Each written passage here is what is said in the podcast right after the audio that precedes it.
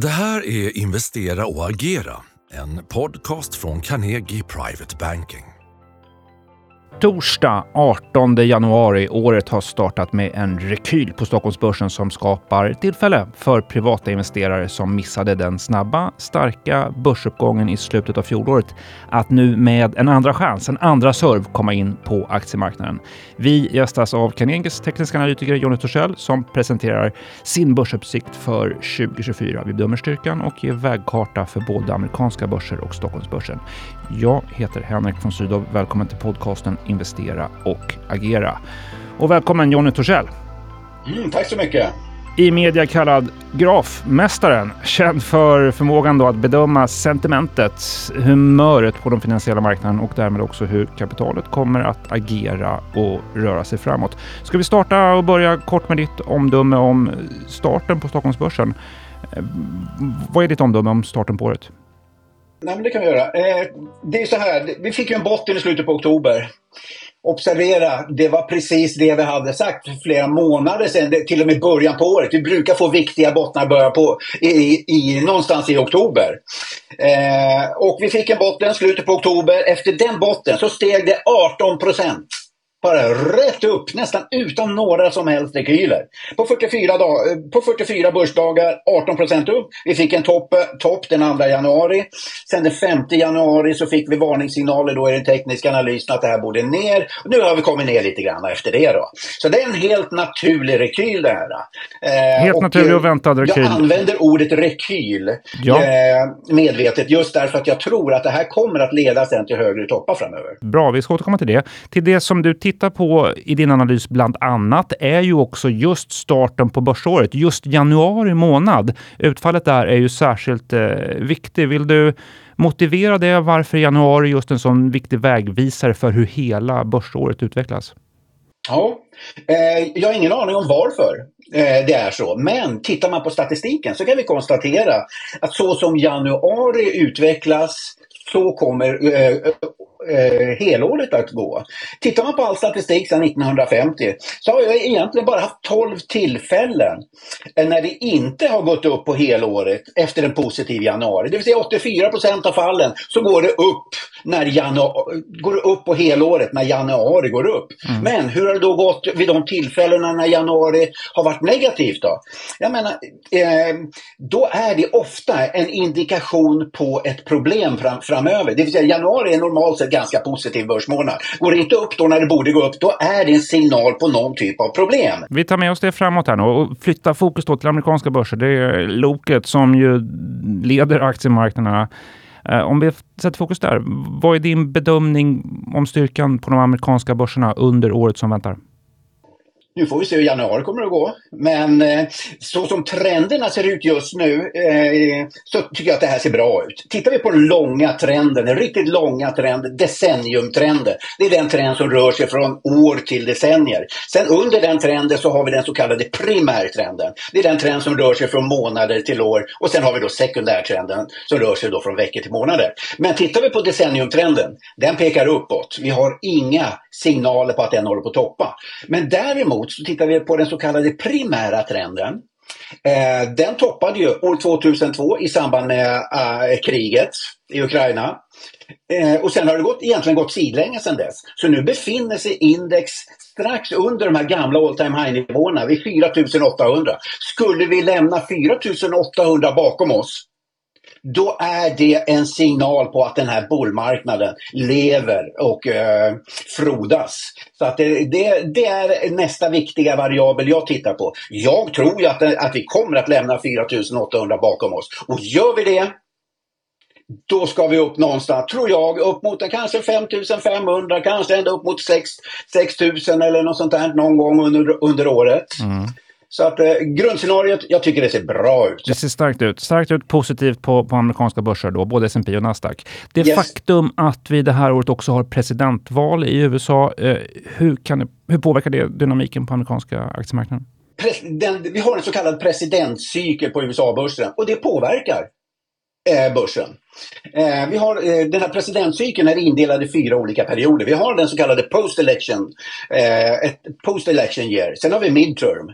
Sen har vi ett pre-election year som vi hade 2023 och sen har vi då election year som vi befinner oss i just nu. Då. Det absolut starkaste av de här fyra eh, och fyra åren, det är ett pre-election year som vi hade 2023. Det var därför jag satt eh, förra året vid den här tidpunkten och sa att det här 2023 kommer sannolikt att bli ett bra år. Därför att vi är, ja bland annat då, eh, i ett pre-election year. Mm. Eh, och normalt sett i ett pre-election year så går vi upp någonstans med 10, ja, drygt 10 procent. Men hur ser det då ut i ett election year? Ja men normalt sett så ser det bra ut. Eh, vi går upp i 68 procent av fallen i ett election year. Den genomsnittliga utvecklingen är 6 procent, inte lika bra som pre-election. Men det är det näst bästa. Eh, Post-election year och midterm, de är klart sämre än de övriga. Så att election year är normalt sett bra. Mm. Du, med det så flyttar vi oss över Atlanten till Sverige, Stockholmsbörsen. Eh, du pratade om styrkan på avslutningen av 2023. Med det bakom oss då, vad är din utsikt för helåret på Stockholmsbörsen? Jag tycker det ser bra ut vi har ett motståndsområde vid 2400, det vill säga de gamla uh, all time high-nivåerna. Passeras de här all time high-nivåerna, 2400-området, då siktar jag på en uppgång mot en 26, 2630, 2670 område till att börja med. Kan det bli mer än så? Ja men absolut. Eh, USA kommer att vara vägledaren här. Får vi utbrottet över 4800 och vi börjar röra oss upp mot de här 5500 då som jag tror, eh, det vill säga dryga 10% på uppsidan, ja, men då, kommer, då har vi bra uppgångspotential även på Stockholmsbörsen. Eh, betydligt mer sannolikt då än de här eh, målet som jag har då satt upp. Men mm. det är det målet som jag haft under en, en period och det, det fortsätter jag ha Mm. initialt. Du ser styrka, det ser starkt ut. Du tror på positiva börsår både i USA och i, på Stockholmsbörsen. Då. Eh, om, om du skulle bedöma, vad är din grad av övertygelse i den bedömningen? Det är ju så här att USA är ju, den är ju klart starkast. Mm. Den leder den här. Sverige, Europa ligger, ligger lite efter. Men det är så här, dit USA kommer att gå, dit kommer också vi att gå. Så få bevaka det här, eh, ett eventuellt utbrott över 4800 på USA-börsen. Mm. Gör vi det utbrottet där, eh, då kommer även Stockholmsbörsen att leverera. Vi kommer att få utbrottssignaler på i Tyskland. Vi kommer att få det på olivländerna, Spanien, Italien, Frankrike. Mm. kommer också börja leverera och, Euros och så vidare. Så att, mm. eh, ja, nej, det ser starkt ut. Ja, men du, mycket intressant, mycket spännande. Vad skulle vara varningstecken som gör att du omprövar din prognos? Eh, flera saker. Eh, jag, jag kommer bevaka en eventuellt svag januari.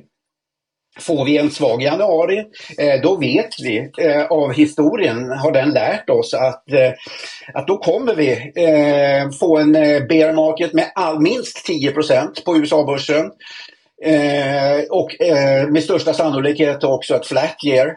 Det vill säga ett år när det bara slutar i stort sett plus minus noll. Och dit USA går kommer också vi att gå. Så det är en sak jag bevakar. En annan sak jag bevakar det är eh, decemberbotten på USA-börserna. Skulle, går vi under decemberbottnarna så, bruk, bottnarna, så brukar det också vara en indikation på att vi går mot någon typ av större sättning. Mm. Skulle vi eh, S&P eh, braka under 4000 då skulle vi få bara riktigt allvarliga signaler. Mm. Då är det en indikation på att decenniumtrenden eh, håller på att bryta brytas, då är det fara och färde. Men mm. där är vi inte. Jag tror inte att vi kommer dit i år. Nej, jag tror på ett positivt börsår. Bra, men vi tar med oss de varningstecknen framåt då. Och då sista frågan. Vi står ju precis då i starten av eh, rapportsäsongen på Stockholmsbörsen. Vilka reaktioner, vilka rörelser kommer du titta särskilt noga på? Jag utgår alltid ifrån reaktionerna. Jag tittar oftast kanske inte så mycket på innehållet i rapporterna, men, utan på reaktionen på rapporterna. Det vill säga, hur kommer marknaden att reagera till exempel på, på svaga rapporter? Skulle man reagera starkt i samband med svaga rapporter, då skulle det vara en stark signal på ett positivt sentiment. Skulle man å andra sidan börja reagera eh, med, med eh, att sälja på aktier vid starka rapporter, då skulle jag börja bli lite kortsiktigt oroad. Mm. Så att jag använder rapporterna för att mäta sentimentet på marknaden. Mm. Det där blir mycket spännande att följa förstås. Rapportsäsongen blir viktig, särskilt givet det du säger om att januari visar vägen för börsen börsåret. Eh, tack så mycket Jonny för medverkan. Tack. Vi summerar då med att den rekylen som vi ser, det ger ju en möjlighet för privata investerare som missade rallyt i november och december att komma in på svenska aktiemarknaden. Jonny Torssell spår då börsuppgångar 2024 både på S&P 500, Nasdaq och Stockholmsbörsen.